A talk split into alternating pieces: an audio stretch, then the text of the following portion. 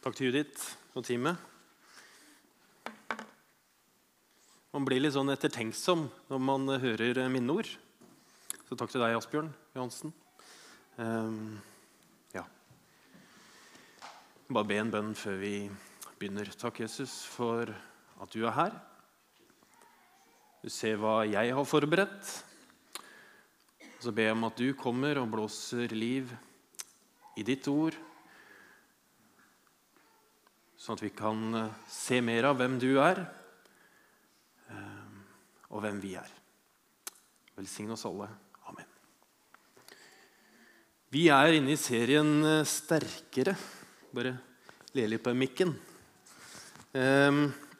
Som Eivind sa, det er jo flott å ha en 16-åring som leder møtet. Jeg er veldig høy, Eivind. det hører jeg.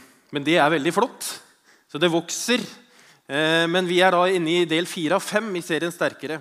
Eh, og eh, for to uker siden så talte jeg om å være sterkere i fellesskap. Og Da sto det en dør her til dere som var her da. Og Det var veldig mange av dere som reiste dere fra benkeradene og gikk gjennom den døra. Som et symbol eller et tegn på at uansett hva jeg møter Jesus denne høsten, så tviholder jeg på fellesskapet med deg. Og det fellesskapet eh, er det sterkeste vi kan ha.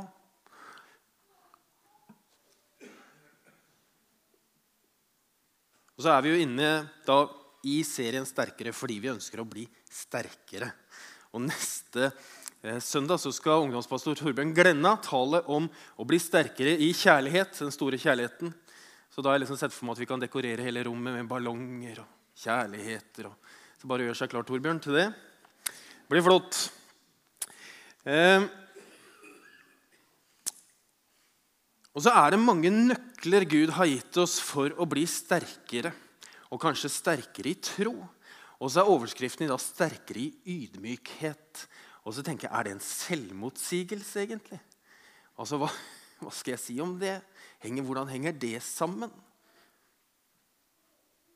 For Hvorfor skal jeg snakke om ydmykhet når vi ønsker å bli sterkere? Hvordan henger det sammen? Um, så er min påstand, da um, Og så skal jeg si en setning som halve setningen er eh, fra en som heter Bill Hybel, som er stor Eller ikke stor, han er, så, han er ganske liten, faktisk, men han er pastor i en stor menighet i USA. Og så har jeg slengt på litt sånn fra meg etter. Um, og så, sånn at den er sånn halvveis min. Den handler egentlig om lederskap. Men så kan man se på lederskap litt som livet mitt, egentlig. Eh, og han sier det at alt står og faller på lederskap. Og så mener jeg at alt lederskap står og faller på ydmykhet.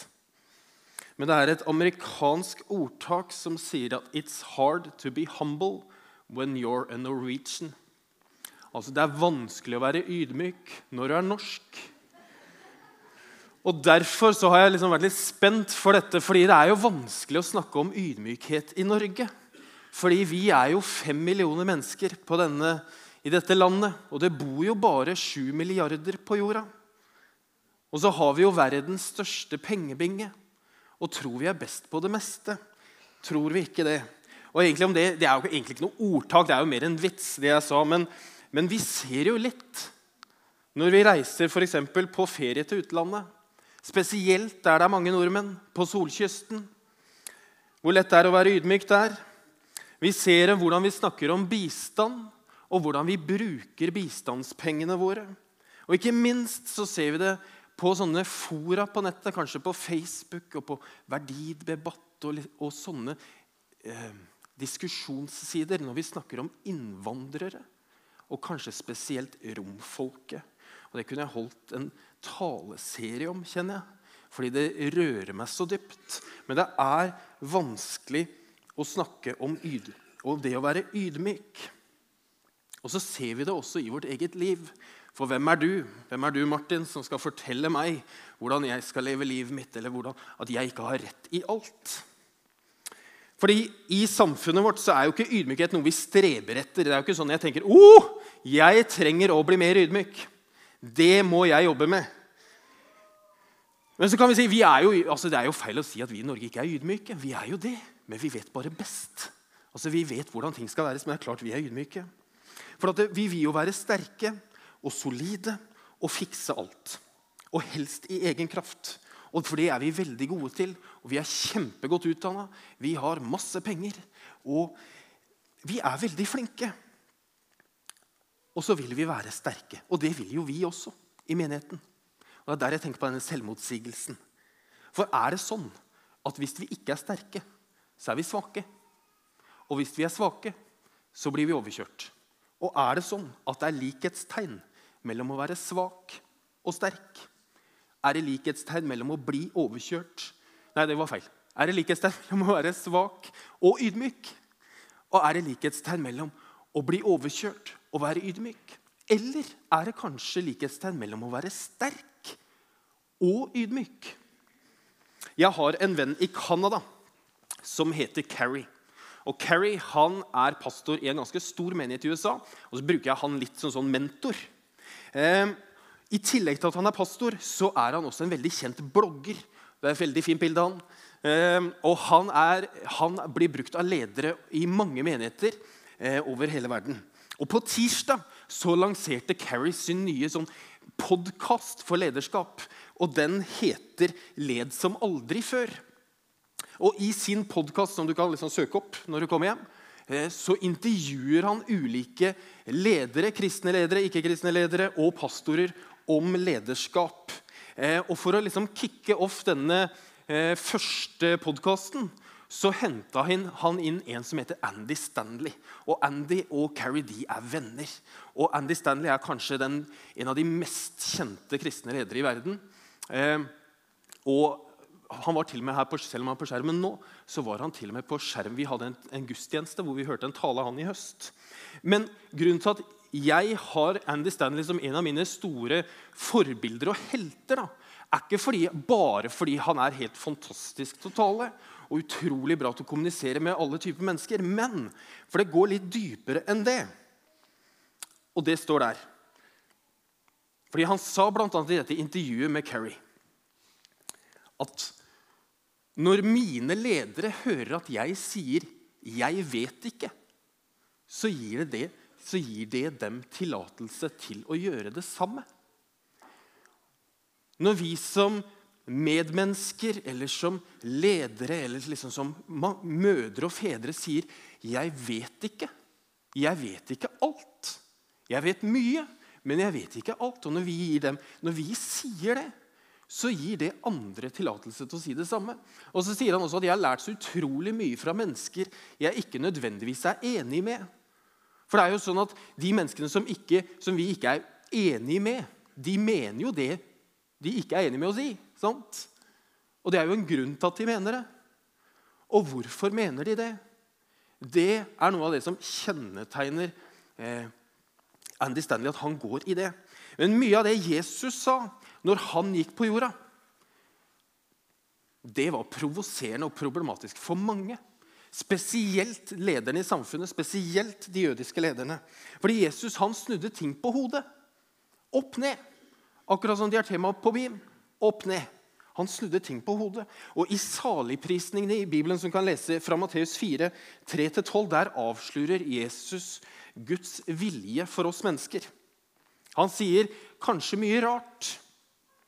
Men det er også ord av nåde og kjærlighet, for han snur det på hodet. For i dette sentrumet av Jesus sitt budskap så ser vi at livet med han det handler ikke nødvendigvis om hva vi gjør, eller hva vi eier, men det handler om hvem vi er.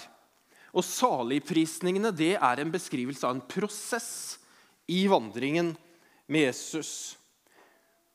Og I en gammel oversettelse, kanskje 1930, lenge før jeg ble født, Istedenfor salig så bruker de ordet saktmodig. Og Det er et gammelt ord. Og det er et ord som betyr mange ting. Det kan bety blant annet, eller det betyr blant annet å underordne seg i ånden. En ånd av sann ydmykhet. Og igjen en samvittighet av ydmykhet. Så det er på en måte ånden som allerede jubler over at Guds rike er etablert, og at det er midt iblant oss. Men hva er det Jesus sier, da? Han sier i kapittel 4, vers 5 at salig er de ydmyke, for de skal arve jorden. Salig er de ydmyke, for de skal arve jorden. Og så kan man bytte ut salig med hellig, heldig eller glad eller velsignet. Er de ydmyke, for de skal arve jorden. Han sier i, vers, i kapittel 11 at 'Kom til meg, alle dere som strever og bærer tunge byrder, og jeg vil gi dere hvile', fordi jeg er mild og ydmyk av hjerte, så dere skal finne hvile for deres sjel. Jesus han er mild og ydmyk av hjerte. Ydmykhet det er grunnlaget. Hvis du er bonde, så er det jordsmonnet, om du vil, som alle de andre gavene fra Gud vokser opp i. Ydmykhet er grunnlaget. I Jakobs brev så skriver Jakob at Gud står de stolte imot, men de ydmyke gir han nåde. Og Det verset er egentlig henta fra Salomos ordspråk i Det gamle testamentet. og Jødene de kjente godt denne teksten. Fordi For jødene så besto ydmykhet i å underordne seg Guds vilje, slik den kom til uttrykk i Guds lov. Så var det ikke et spørsmål om på en måte å underkaste seg en liksom sånn demonisk makt. Men de gjorde det i hengivenhet og i en frivillig kjærlighet. Så bøyde de seg ned for en nådig og barmhjertig Gud. Det står masse i Salomos ordspråk i Det gamle testamentet om ydmykhet. Det står bl.a. at det er de ydmyke Gud gir nåde, som vi har sett som Jakob også kopierer. Med de ydmyke følger visdom, og den ydmyke vinner ære. Hva er det motsatte av ydmykhet? det er jo stolthet. Og vi har jo alle mange ting å være stolt av. Vi kan jo være stolt av barna våre, barnebarn, og kanskje noen er stolt av svigermor eller tanta si eller mamma. Det er mange ting å være stolt av, og det er ikke noe gærent å være stolt av ting. Men stolthet i sin dype form, det handler om arroganse. Det handler om hovmodighet, om innbilskhet, om overlegenhet, kanskje om overmot om uforskammethet og en sånn viktighet i meg. Og Bibelen er krystallklar på hva Gud mener om stolthet. Jesus understreka veldig sterkt at ydmykhet er den eneste rette stilling et menneske kan innta overfor en hellig Gud. Fordi ydmykhet innebærer en overgivelse av en sånn falsk egenrettferdighet. Og Jesus viser oss ydmykheten i person. Han tar den på. Han er det. Han er ydmyk av hjerte. Og så ber han oss som tror på han, om å lære av ham. Rett før påske så vasker Jesus disiplenes føtter. Og Det er et utrolig praktisk eksempel på denne ydmykheten. Paulus, som har skrevet mange brev i, nei, Nye Testamentet, som vi har fått kopi av, han skriver et brev til en menighet som heter Filippi, hvor han skriver at la samme sinnelag være i dere som også var i Kristus Jesus.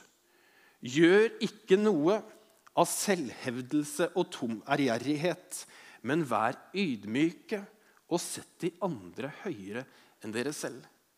Henger dere med? Det er litt sånn tungt, men det går bra. Yes. Så skal jeg vise et bilde straks. Det der er det. Han heter Jim Collins og han er professor på Harvard University i USA. Eh, han er en veldig kjent forsker og en veldig kjent forfatter som har skrevet mange bøker, bl.a. en som heter 'How the Mighty Fall' og 'Good to Great'. Men det som Jim Collins har gjort, er at han har forska på, på hundrevis av bedrifter som er inne på noe som heter Forbes liste, altså de 500 mest verdifulle selskapene i USA. Ehm, og så har han sett på da de som har vært der i mange år, og hva som kjennetegner ledelsen i de. Og av de som har vært der i ti år, så finner han ett punkt som han, han rangerer ledere i liksom level, nivå 1, 2, 3, 4 og 5. Og masse av lederne i disse bedriftene de er på nivå 4. At de er kjempegode på visjon, de er kjempegode på strategi, de er kjempegode på personal, de er kjempegode og dyktige på det de gjør, og de får fantastiske resultater over mange år. Men det som liksom tipper skåla for å bli nivå fem-leder, det er det han sier her. The single greatest leadership signature we found in organization that moved from good to great and who stood the test of time for decades was this personal humility. Altså de lederne som har stått i mange tiår i de største bedriftene i USA, som har tjent mest penger og liksom vært mest Man kan tenke seg liksom mest sånn overkjørende. da. Det som kjennetegner de, er at lederne på toppnivået er ydmyke. Og det er jo overraskende for mange. Men det er det. Så hva med oss her, da? I Skien misjonskirke vi er jo ikke akkurat på Forbes sin liste over de mest verdifulle selskapene i Norge. Eh, men hvor er vi? Vi er jo en menighet i vekst. Masse barn og unge, masse konfirmanter, masse folk på gudstjenestene. Og det går jo så det griner. Og så er det Um, og det er jo mange som ser til oss, som kommer til oss og så spør hvordan gjør dere barnearbeidet, hvordan gjør dere ungdomsarbeidet, hvordan gjør dere sånn og hvordan gjør dere sånn. Vi vil lære av dere. Og så er det så utrolig lett å tenke at hvorfor i all verden eller for oss da, å tenke, hvorfor i all verden driver ikke barnearbeid sånn som vi gjør? da? Hvorfor gjør ikke sånn der nede?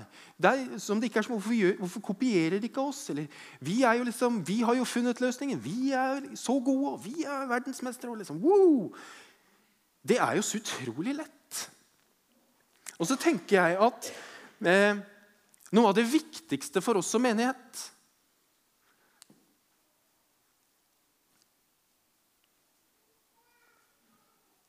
er at vi er ydmyke overfor hverandre og overfor Gud. At vi er ydmyke for at vi ikke vet alt. At vi er ydmyke for at vi gjør feil. Vi sier dumme ting. Vi gjør mye rart. Og vi vet ikke alt. Og så er det jo sånn at Vi skal jo jobbe hardt. Vi jobber steinhardt vi i staben og i lederskapet. Vi skal jobbe strukturert og vi skal liksom gi vårt beste hele tiden. Men så må vi aldri slutte å stille kritiske spørsmål til det vi gjør. Og kanskje spesielt til de som er uenige med oss. For hvorfor er de uenige? Eller hvorfor er man på en måte kritisk? Det er jo kjempeviktig for oss å vite, fordi vi vet ikke alt. Og hva kan vi lære? Kan jeg være litt personlig? Er det greit? Ja, det er bra. Eh, av og til må man liksom be om tillatelse til å være personlig. Jeg gjør det nå. Eh, for jeg er daglig leder her i menigheten. Det betyr at jeg har egentlig overordna ansvar for alt som skjer. For forkynnelse, for gudstjeneste, for stab, for utvikling, for visjon og for mange ting. Og Torbjørn, Glenna og Linda Andernak Johannessen de er liksom under min ledelse i staben. Og så rapporterer de til meg. Og så er det ikke sjelden at jeg tenker er jeg den rette for det her?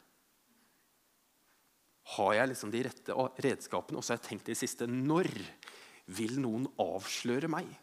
Som en utrolig dårlig leder og bare sånn helt sånn middels kommunikator. og på en måte bare, Når vil jeg bli avslørt, liksom? For at når jeg blir stilt til veggs, og min kunnskap på en måte ikke når lenger Da tenker jeg, hvem er jeg, da? Som skal lede det greiene her. Men vet dere hva? Det som skjer i disse dager, som i gamle dager eh, Det er bare én som skal ha æren for det, og det er Gud. Det er kjempeflott at dere takker Torbjørn og Linda og staben. Og Det er jo kjempeflott, men den som skal ha æren for alt det gode som skjer, det er bare Gud.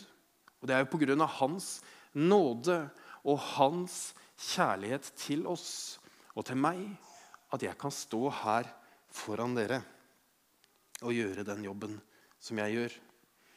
Jeg tenkte jeg skulle kjøre litt sånn kjapt gjennom en historie til fra Lukas evangelium kapittel 7, 1-10. Så da tenkte jeg at jeg skulle gjøre det ganske kjapt, så må dere henge med. Det handler om Jesus, det handler om en tjener, og det handler om en romersk offiser.